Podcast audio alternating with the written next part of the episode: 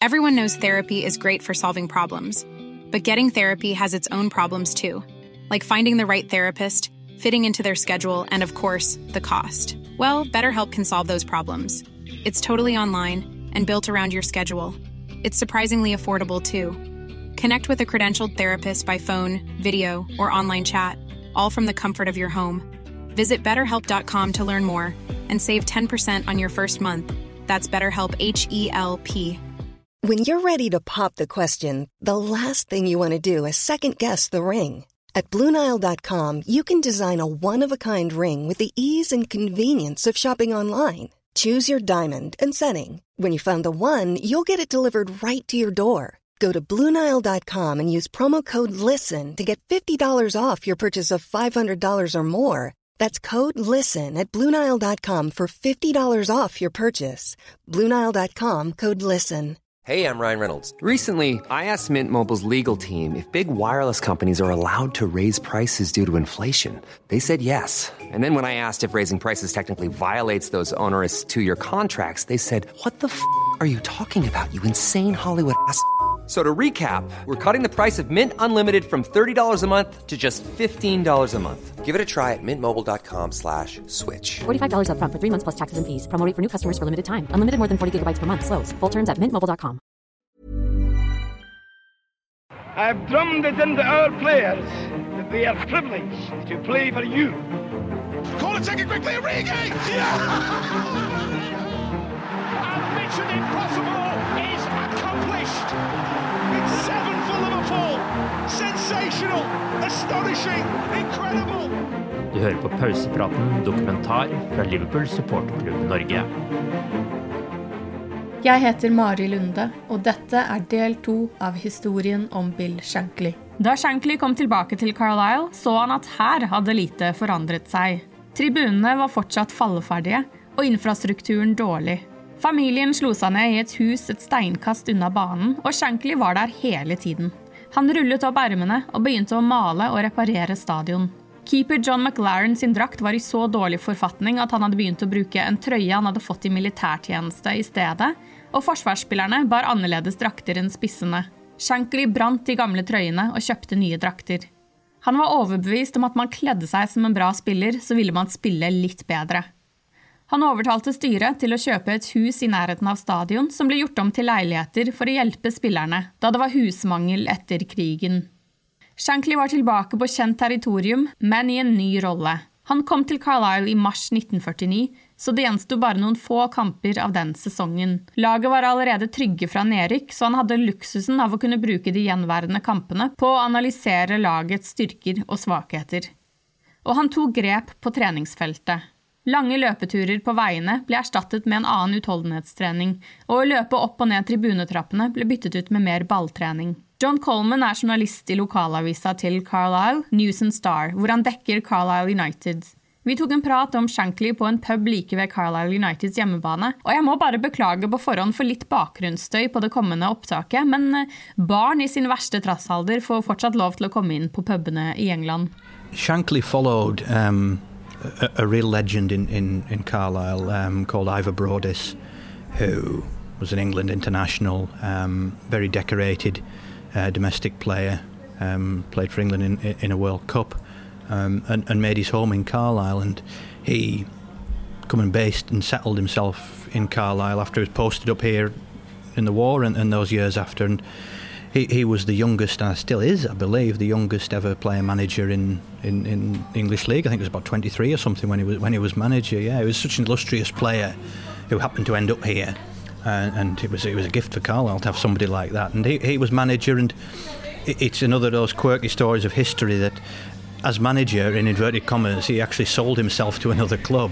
Now it, it's a bit more um, sort of there's a bit more depth to it than that, but essentially, um, Sunderland it was who were known as the the Bank of England club. Then they were they were a real big deal uh, in English football in that, that that period, and they came in. They made an approach, and I think Ivor Broadis's reasoning was that it was his job as manager to get whatever the best deal was for the club in any situation, even if that ended up with him him moving on. So he did move on, and and Shankly, after a slightly convoluted appointment process, ended up getting the job, and uh, it coincided with, I guess, one of the first real um, sort of evolutionary steps in Carlisle United, I would say, because, and, and I guess much of it is down to Shankly in, in a lot of the things that he became extremely famous for in terms of his style and his manner and his interaction with, with the people.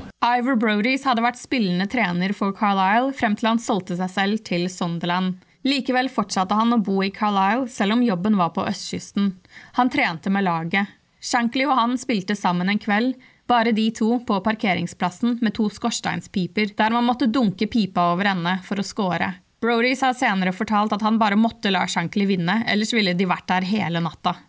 Shankly tok med seg sine verdier fra Glenbuck til Carlisle. I Glenbuck passet man på hverandre. Man hjalp naboen, man dyrket lokalsamfunnet. Akkurat det samme ville han gjenskape i Carlisle, med Carlisle United som midtpunktet. Han ville gjøre folket stolte av fotballklubben sin, som de seneste årene hadde levd trygt i Third Division North uten mye å rope hurra for.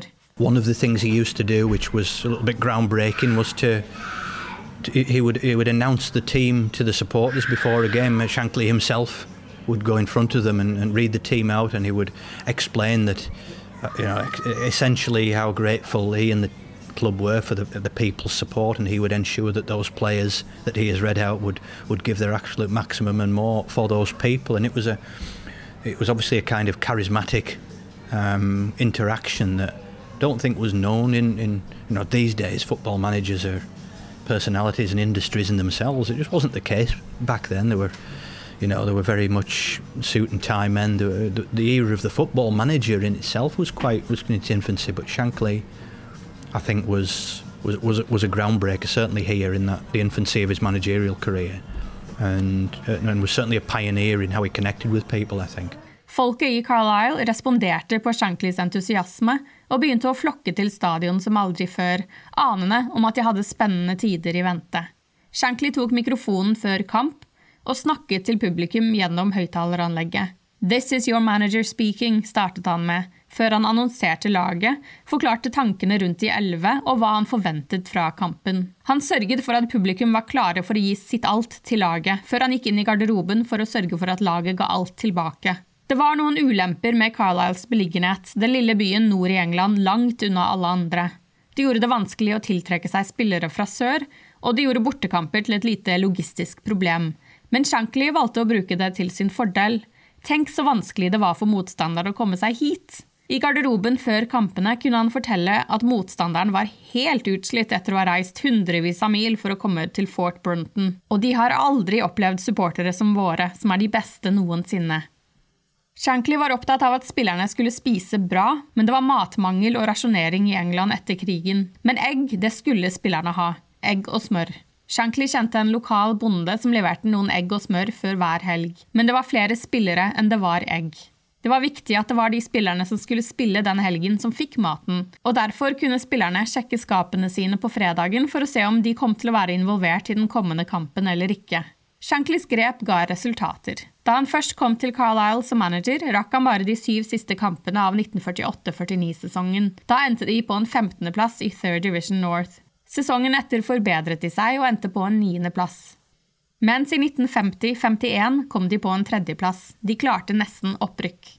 Samme sesong trakk de Arsenal i tredje runde i FA-cupen. Det var en enorm anledning for Carlisle, og Shankly sørget for at en spesiell trøye ble laget. Han tok også med spillerne på kino kvelden før de skulle reise sørover. Han ordnet sånn at i pausen av kinoforestillingen hadde alle spillerne kom opp foran lerretet til stående applaus fra publikum i det som hadde blitt en ganske fotballgæren by. Før kampen og før tilskuerne hadde sluppet inn på stadion, tok Shankly med seg spillerne på en inspeksjon av banen. Han forsikret dem om at dette storlaget, Arsenal, størst i England og kanskje til og med det beste laget i Europa på den tiden, at spillerne deres var heldige som kunne spille fotball. Han hadde aldri signert dem til Carlisle. Det var de ikke gode nok for. And this was by far the greatest footballing, probably sporting occasion in Carlisle certainly in the era of professional football, um, the away game at, at, Arsenal at Highbury was it was on another level to anything they'd experienced before. You know, there was there was so many people went down there, and they went and performed and got a valiant nil-nil draw, which was a wonderful feat, really, considering the size of Arsenal and the size of crowd they were getting. There was, you know, it made it made real names of some of the players, um, some of whom were, were, local born, some of whom come further afield, and and I guess it really underlined Shankly's ability to to, to, to motivate and inspire a team. Um, the, by all accounts, the throng of people greeting that team when they came back on the train from from London was, was incredible. It was like an enormous, almost civic occasion. Carlisle klarte på mirakuløst vis å holde giganten til uavgjort, 0-0. Det er en prestasjon som regnes som så enorm i Carlisle at det har blitt skrevet bøker om det. Og spillerne ble tatt imot som helter på togstasjonen da de kom tilbake. Shankly sa at de nå måtte regnes som favoritter til omkampen fire dager senere, men den tapte de 4-1. The whole thing, I think, from from everything you read and the people who talk about that time was that was a, a landmark occasion for Carlisle United, and, and, it, and, it, was Shankly and that team and what he created that, that made that, really. En av spillerne i Shanklys tropp het Jeff Twentyman. Det var Ivor Brody som hadde gitt han tillit i førstelaget, da han likte at Twentyman kunne bruke begge føttene. Han var på den tiden en robust midtstopper og lokal Carlisle-gutt som snublet over fotballfascinasjonen første nyttårsdag 1937. Da var han syv år. Twentyman var bondesønn, og den dagen hjalp han faren sin med å frakte sauer gjennom Carlisle. Ruta gikk forbi Bronton Park, samtidig som Carlisle United skulle møte York City. Twentyman hørte brølet fra supporterne da spillerne kom inn på banen, og han spurte sin far om de kunne stikke hodet inn og bare se hva som foregikk. Da de kom inn på stadion, ble de møtt av en tung stillhet. Stadion hadde en minnesmarkering for en spiller som hadde dødd noen dager tidligere etter å ha sprukket blindtarmen i en kamp. Etter stillheten brøt supportere og spillere spontant ut i sang Abide with me.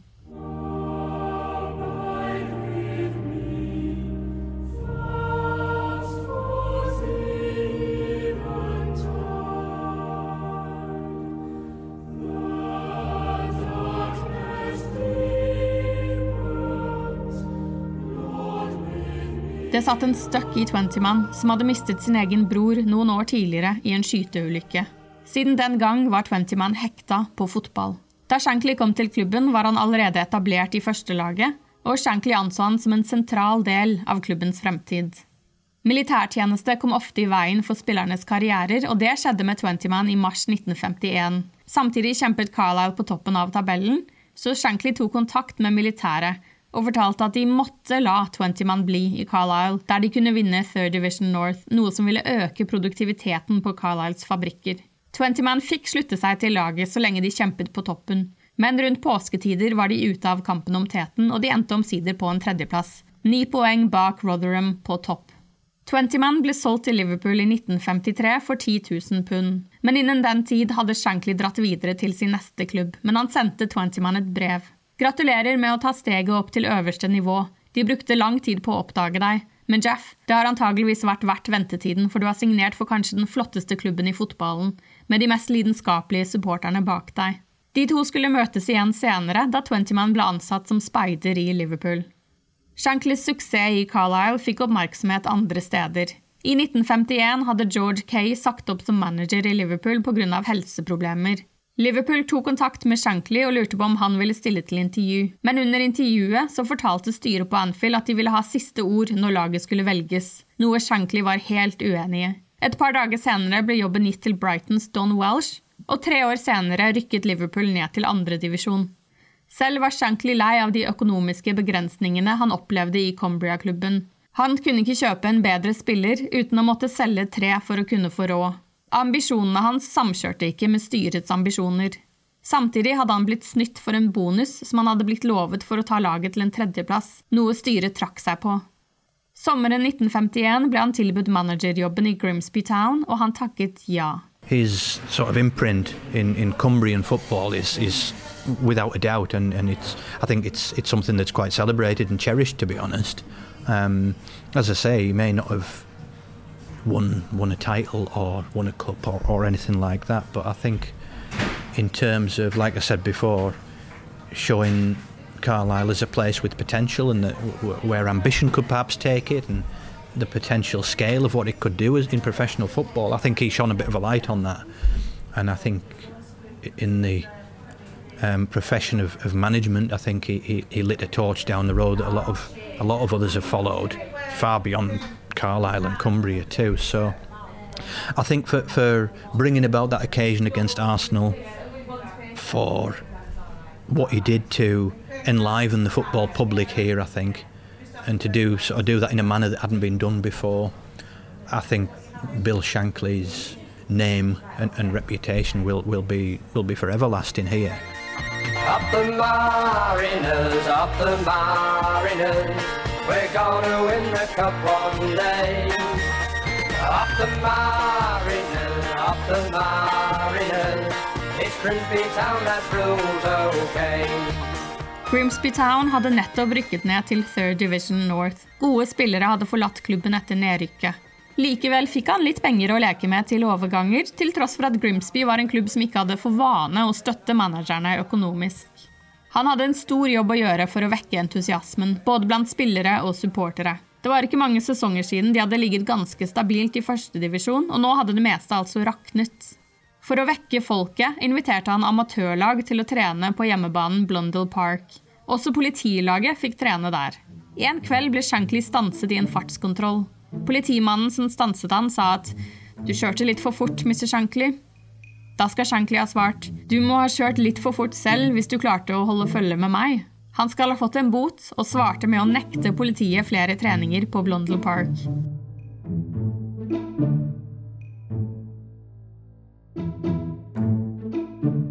I biografien om Shankly av Dan Bowler fra 1996 forteller tidligere spiller Tom Daly om hvordan Shankly oppførte seg i garderoben før kamp.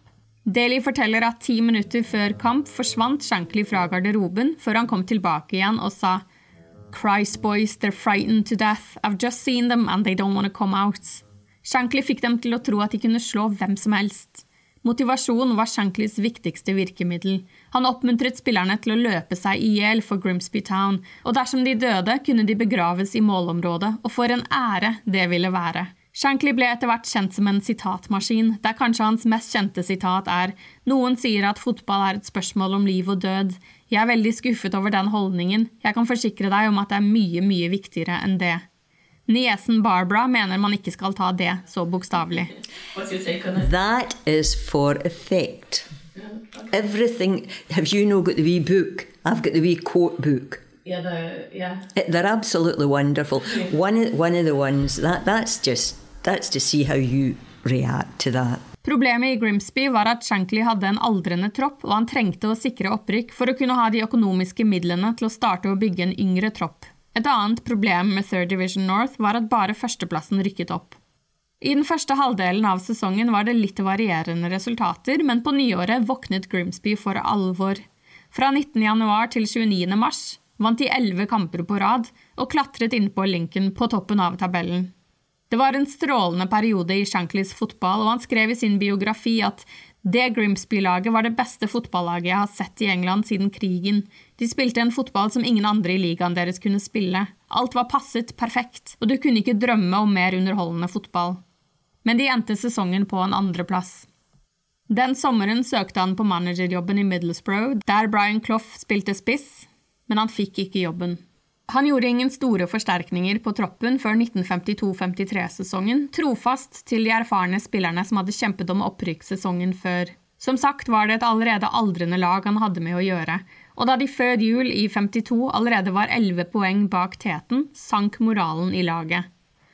Flere av spillerne var nå så gamle at det ikke var noen penger å hente på å selge dem, og Shankly opplevde å ikke få noe backing fra styret.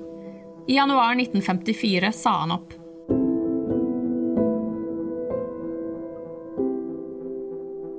Etter en skuffende siste halvannen sesong med Grimsby skjønte han at han måtte peile seg inn på nok en klubb lengre nede i systemet, med fornuftige forventninger.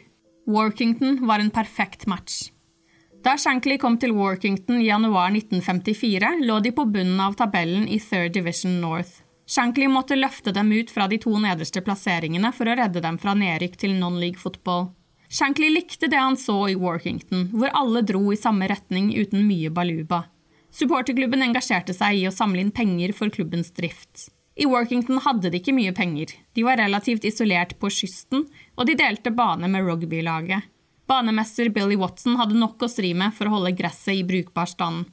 Ofte trente begge lagene samtidig, med så mange som 80 stykker på banen. Shankly klarte å løfte laget ut av nedrykksstriden og sikre en sesong til i ligasystemet. Det hele var et ærlig samarbeid. Alle i Workington visste at dette var midlertidig, og Shankly gikk for en gangs skyld middels godt overens med styret i klubben. Han var helt klar over at de opererte med et stramt budsjett, og respekterte dem for at de likevel betalte spillerne 14 pund i uka. Han forventet ikke penger fra dem, og ga derfor ikke å gå tiggerunden. I stedet styrte de unna hverandre. Klubben hadde så lite penger at de bl.a. måtte male de brune lærballene hvite i stedet for å investere i nye. De varte bare en treningsøkt før de måtte males igjen. Shankly var blitt 41 år gammel, men var fortsatt med på treningene. De fullførte 1954-55-sesongen på en respektabel åttendeplass, men klubben var i så dårlig økonomisk stand at de ba spillerne om å ta et lønnskutt på ett pund hver uke.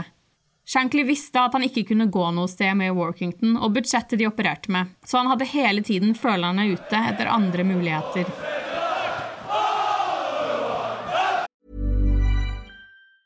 If you thought the only way to get a more defined jawline with natural looking results was through surgery, think again. Juvederm Volux XC is a non surgical injectable gel filler that improves moderate to severe loss of jawline definition and can help you achieve natural looking results with little downtime. Even better, this improved definition lasts up to one year with optimal treatment. No maintenance required. Improve jawline definition for a smooth, sculpted look with Juvederm Volux XC. For important safety information and to find a licensed specialist, visit juvederm.com. That's J U V E D E R M.com. Not for people with severe allergic reactions, allergies to lidocaine, or the proteins used in Juvederm. Common side effects include injection site redness, swelling, pain, tenderness, firmness, lumps, bumps, bruising, discoloration, or itching. There's a risk of unintentional injection into a blood vessel, which can cause vision abnormalities, blindness, stroke, temporary scabs, or scarring. Talk to a licensed specialist to find out if it's right for you. Hey, I'm Ryan Reynolds. Recently, I asked Mint Mobile's legal team if big wireless companies are allowed to raise prices due to inflation. They said yes. And then when I asked if raising prices technically violates those onerous two year contracts, they said, What the f are you talking about, you insane Hollywood ass? So to recap, we're cutting the price of Mint Unlimited from $30 a month to just $15 a month. Give it a try at mintmobile.com slash switch. $45 upfront for three months plus taxes and fees. Promo for new customers for limited time. Unlimited more than 40 gigabytes per month. Slows. Full terms at mintmobile.com. Burrow is a furniture company known for timeless design and thoughtful construction and free shipping. And that extends to their outdoor collection. Their outdoor furniture is built to withstand the elements, featuring rust-proof stainless steel hardware, weather-ready teak, and quick-dry foam cushions. For Memorial Day, get 15% off your Burrow purchase at burrow.com slash ACAST and up to 25% off outdoor. That's up to 25% off outdoor furniture at burrow.com slash ACAST. Everyone knows therapy is great for solving problems, but getting therapy has its own problems too, like finding the right therapist, fitting into their schedule, and of course, the cost. Well, BetterHelp can solve those problems. It's totally online and built around your schedule. It's surprisingly affordable too. Connect with a credentialed therapist by phone, video, or online chat, all from the comfort of your home. Visit betterhelp.com to learn more and save 10% on your first month. That's BetterHelp, H E L P. Hey there, it's Michelle Norris. I'm host of a podcast called Your Mama's Kitchen. When I travel, I'm usually looking for a way to find a taste of home when I'm not at home. And one of the things I love to do when I am at home is entertain. And Airbnb allows me to do that. When I was in California recently, I rented a house that had a great kitchen. And when we were sitting around the table, we we're all thinking, we're in someone else's house. Someone could be in all of our homes as well. If you have a home, but you're not always at home, you have an Airbnb. Your home might be worth more than you think. Find out how much at airbnb.com/slash host.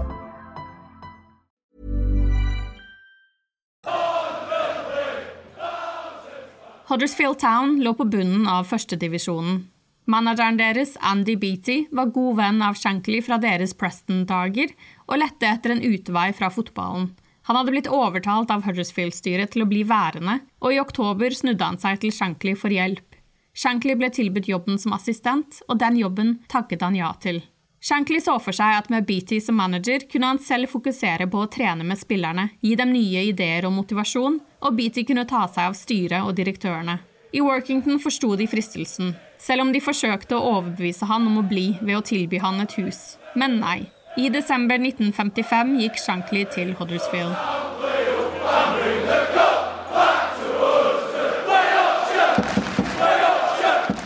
Men jobben i Huddersfield ble først en skuffelse. I stedet for å trene førstelaget som han hadde sett for seg, ble han satt til å trene reservelaget. Men Beatty hadde en plan. Førstelaget hadde blitt for gamle for toppfotballen. Fremtiden var hos reservene, og Shankly var den perfekte treneren til å forme dem. Reservene opplevde kjapt Shankly-endringen.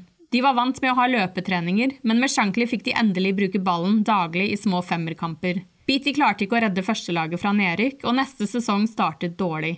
I november var de nede på en niendeplass, åtte poeng bak Leicester på førsteplass. I sterk kontrast, reservene tapte ikke sine første 14 kamper. Førstelaget truet med streik. De var lei av de kjedelige treningsrutinene. De ville også ha sin bit av Bill Shankly. I november 1956 ble Shankly tilbudt managerjobben. Han takket ja, i den tro at Beatty hadde sagt opp. Men det hadde han ikke. Det tæret på samvittigheten at han hadde tatt jobben til kompisen, men vennskapet overlevde, og Beatty endte etter hvert opp som speider i Liverpool under Shanklys ledelse. Huddersfield fikk en knallstart under ny ledelse, med en 5-0-seier over Barnsley. Men de var nok litt hjulpet av en klassisk ny manager-opptur, som vi fortsatt ofte ser i fotballen i dag. Motivasjon og lidenskap alene er ikke nok i de øverste divisjonene i engelsk fotball. Han tenkte allerede at laget ikke var godt nok til opprykk den sesongen, og fokuserte på å introdusere ungguttene inn i førstelaget. Dennis Law var 16 år gammel da han fikk debuten sin mot Notts County på julaften 1956. Han var et stjerneskudd, det visste alle, og Matt Busby hadde allerede snust på han og prøvd å hente han til Manchester United for 10 000 pund. Law signerte proffkontrakt med Huddersfield. Etter hvert ønsket deler av styret å cashe inn på Law. Shankly ønsket å beholde han, og han hadde funnet de to spillerne han mente han trengte for å sikre opprykk med Huddersfield, Ron Yates og Ian St. John.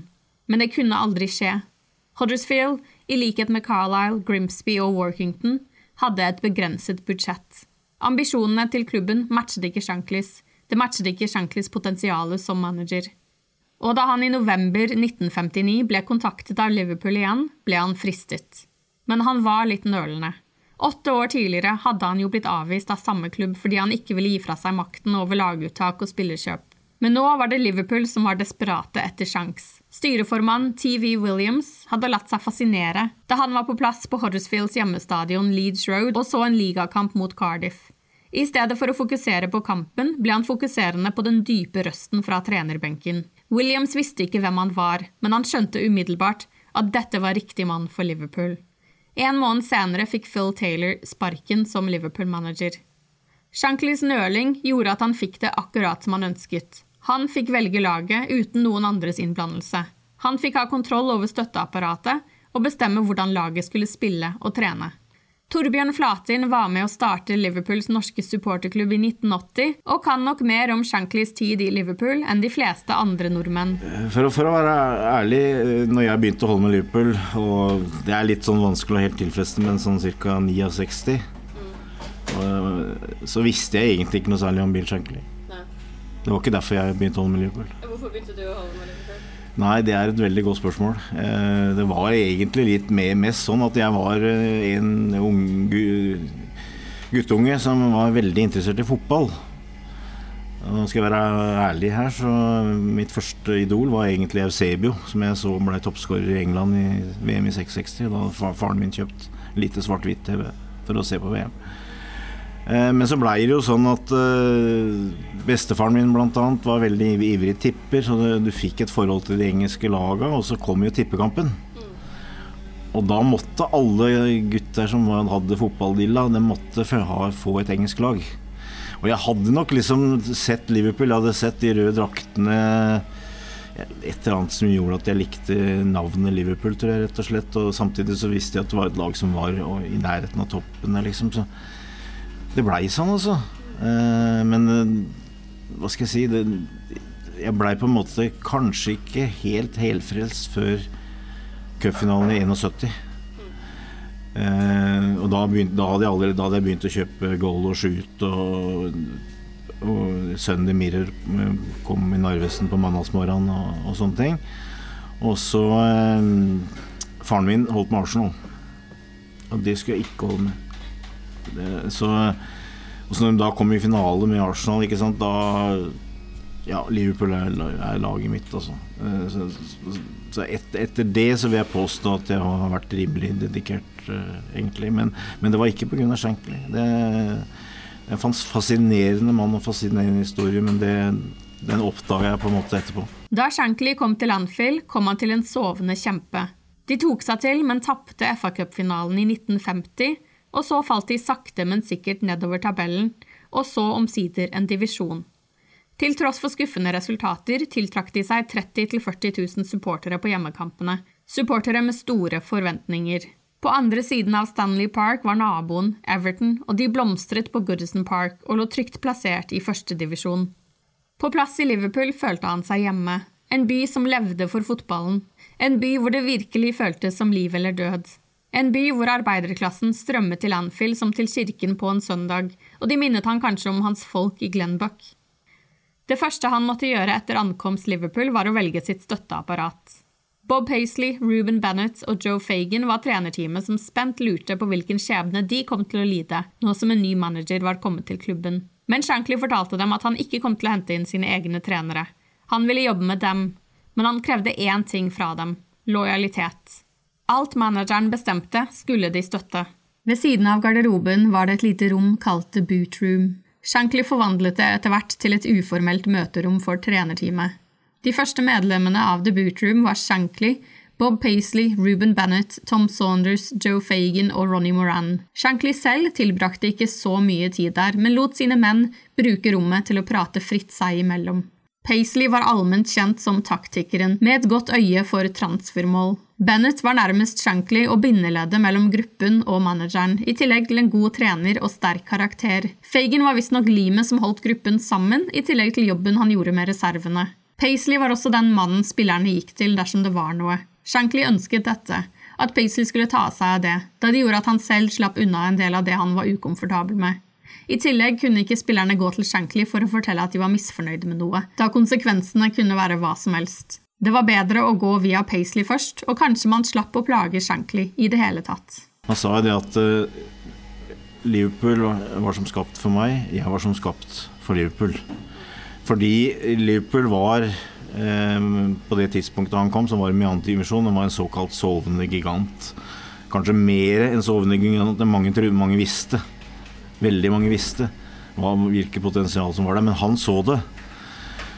Eh, og han har jo egentlig en ganske merkelig eh, managerkarriere, eh, hvor, hvor, han har gjort noen litt overraskende valg, egentlig, men i bånn der så lå det hele tida en drøm om at han kunne få satt ut sine visjoner, sine ideer. Eh, og det fikk han lov til i Liverpool, og det var ikke minst fordi at han så at eh, Liverpool hadde fans som bare venta på en Det blir svære ord, ikke sant, men altså Will Shankly er jo kalt Messias, og, og for Liverpool var han frelseren.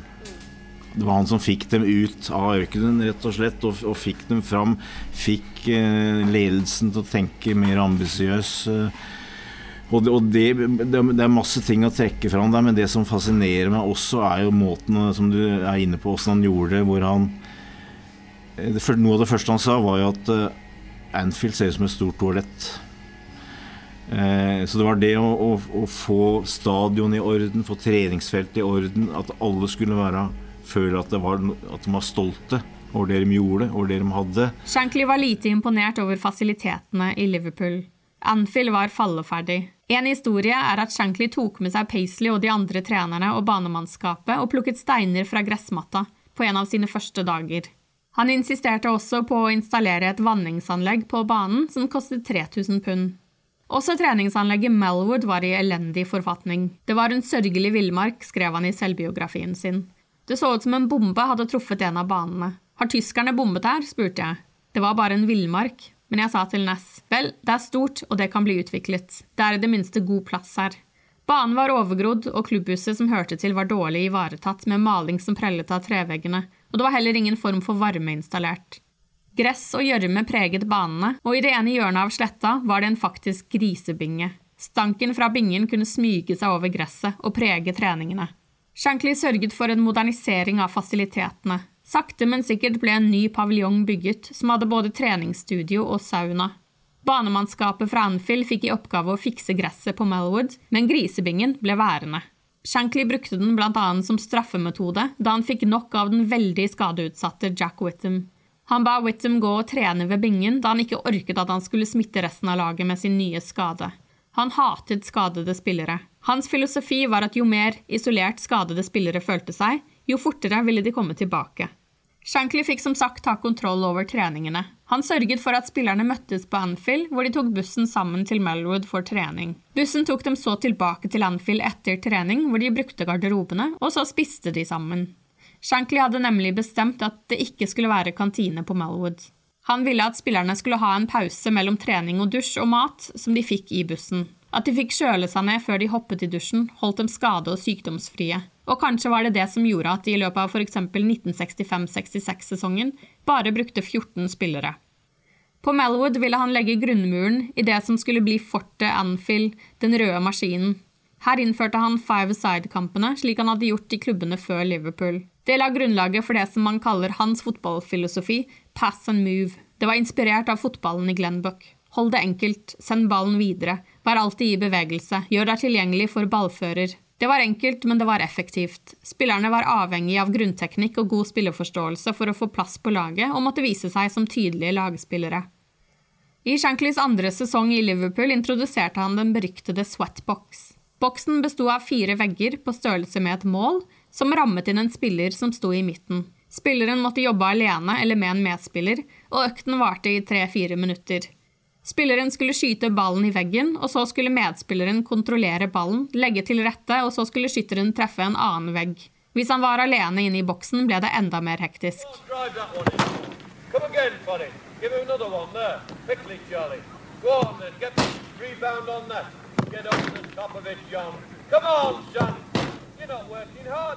Ian Callahan har fortalt at beina ble som gelé, men at man slo to fluer i én smekk. Man trente både teknikk og utholdenhet samtidig.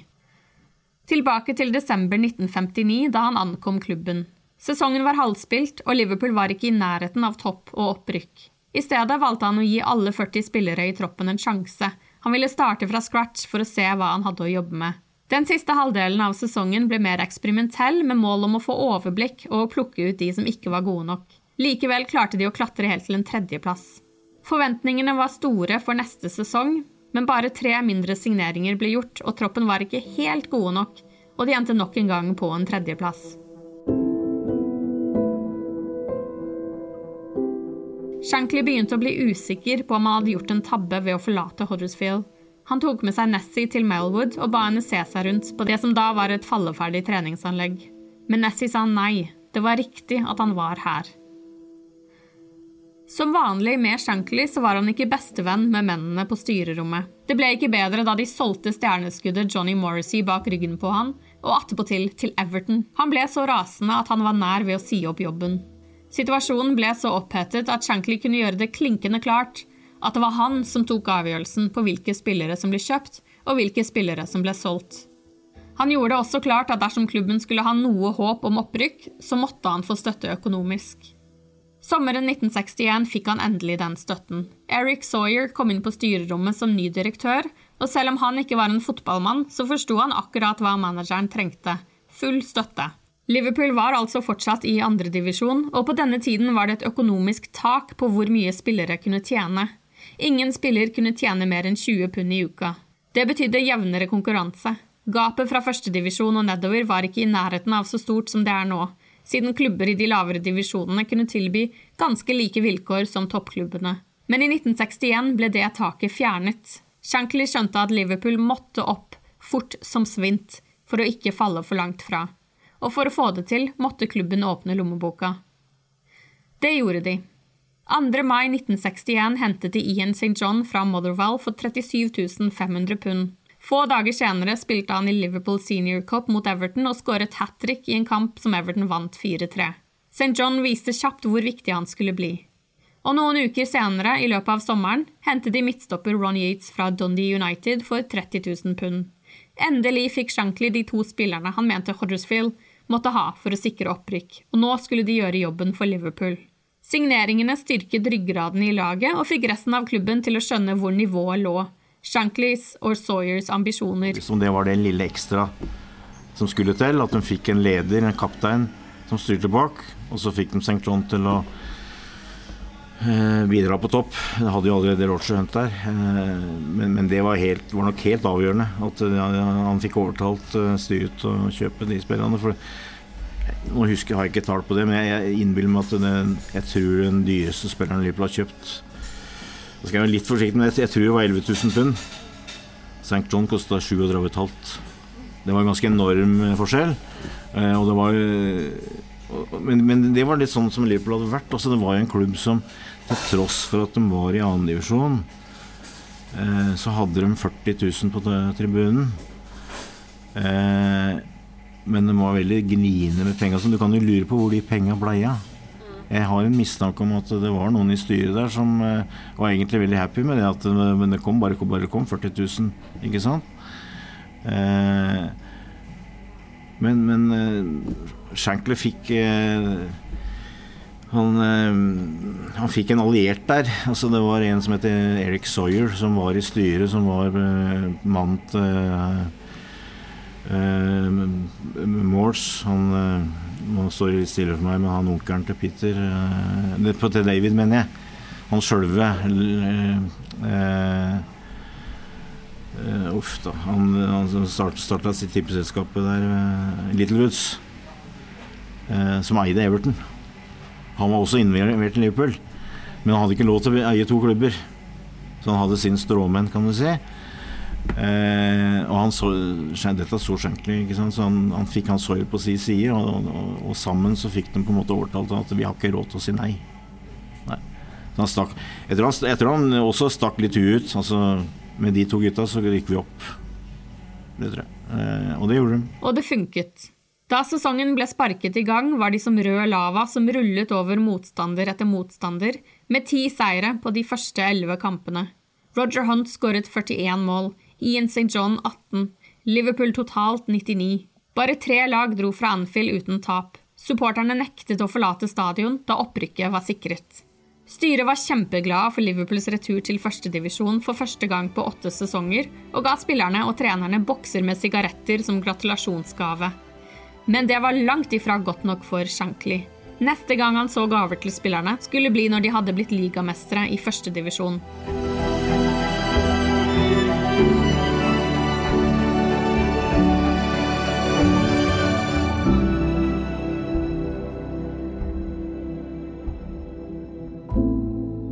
Del tre. Men de hadde neppe forstått hvor stort prosjektet var for Shankly, og hvor mye tid han dedikerte til klubben. He was kind of like my father figure, if you like. Over 500 mennesker trengte legebehandling. De fleste av dem hadde svimt av, men det var også flere bruddskader. He would have played or for no money. Han hadde vært på The Cop med gutta. De hadde løfta han rundt på tribunen. As the whistle goes at Borussia Dortmund have won the European Cup Winners' Cup. Shankly hadde satt sine egne skyhøye standarder og slet nå med å leve opp til dem. Shank salutes the supporters. The players from Liverpool celebrate as well they might. De hadde et ungt, lovende lag som allerede var rett å regne med på alle fronter. Hva kunne gå galt? The best word I can say, but uh, will describe this was boom. Ooh, what was this? It was really good. Hey, it's Danny Pellegrino from Everything Iconic. Ready to upgrade your style game without blowing your budget? Check out Quince. They've got all the good stuff shirts and polos, activewear, and fine leather goods, all at 50 to 80% less than other high end brands. And the best part? They're all about safe, ethical, and responsible manufacturing. Get that luxury vibe without the luxury price tag. Hit up quince.com slash upgrade for free shipping and 365 day returns on your next order. That's quince.com slash upgrade.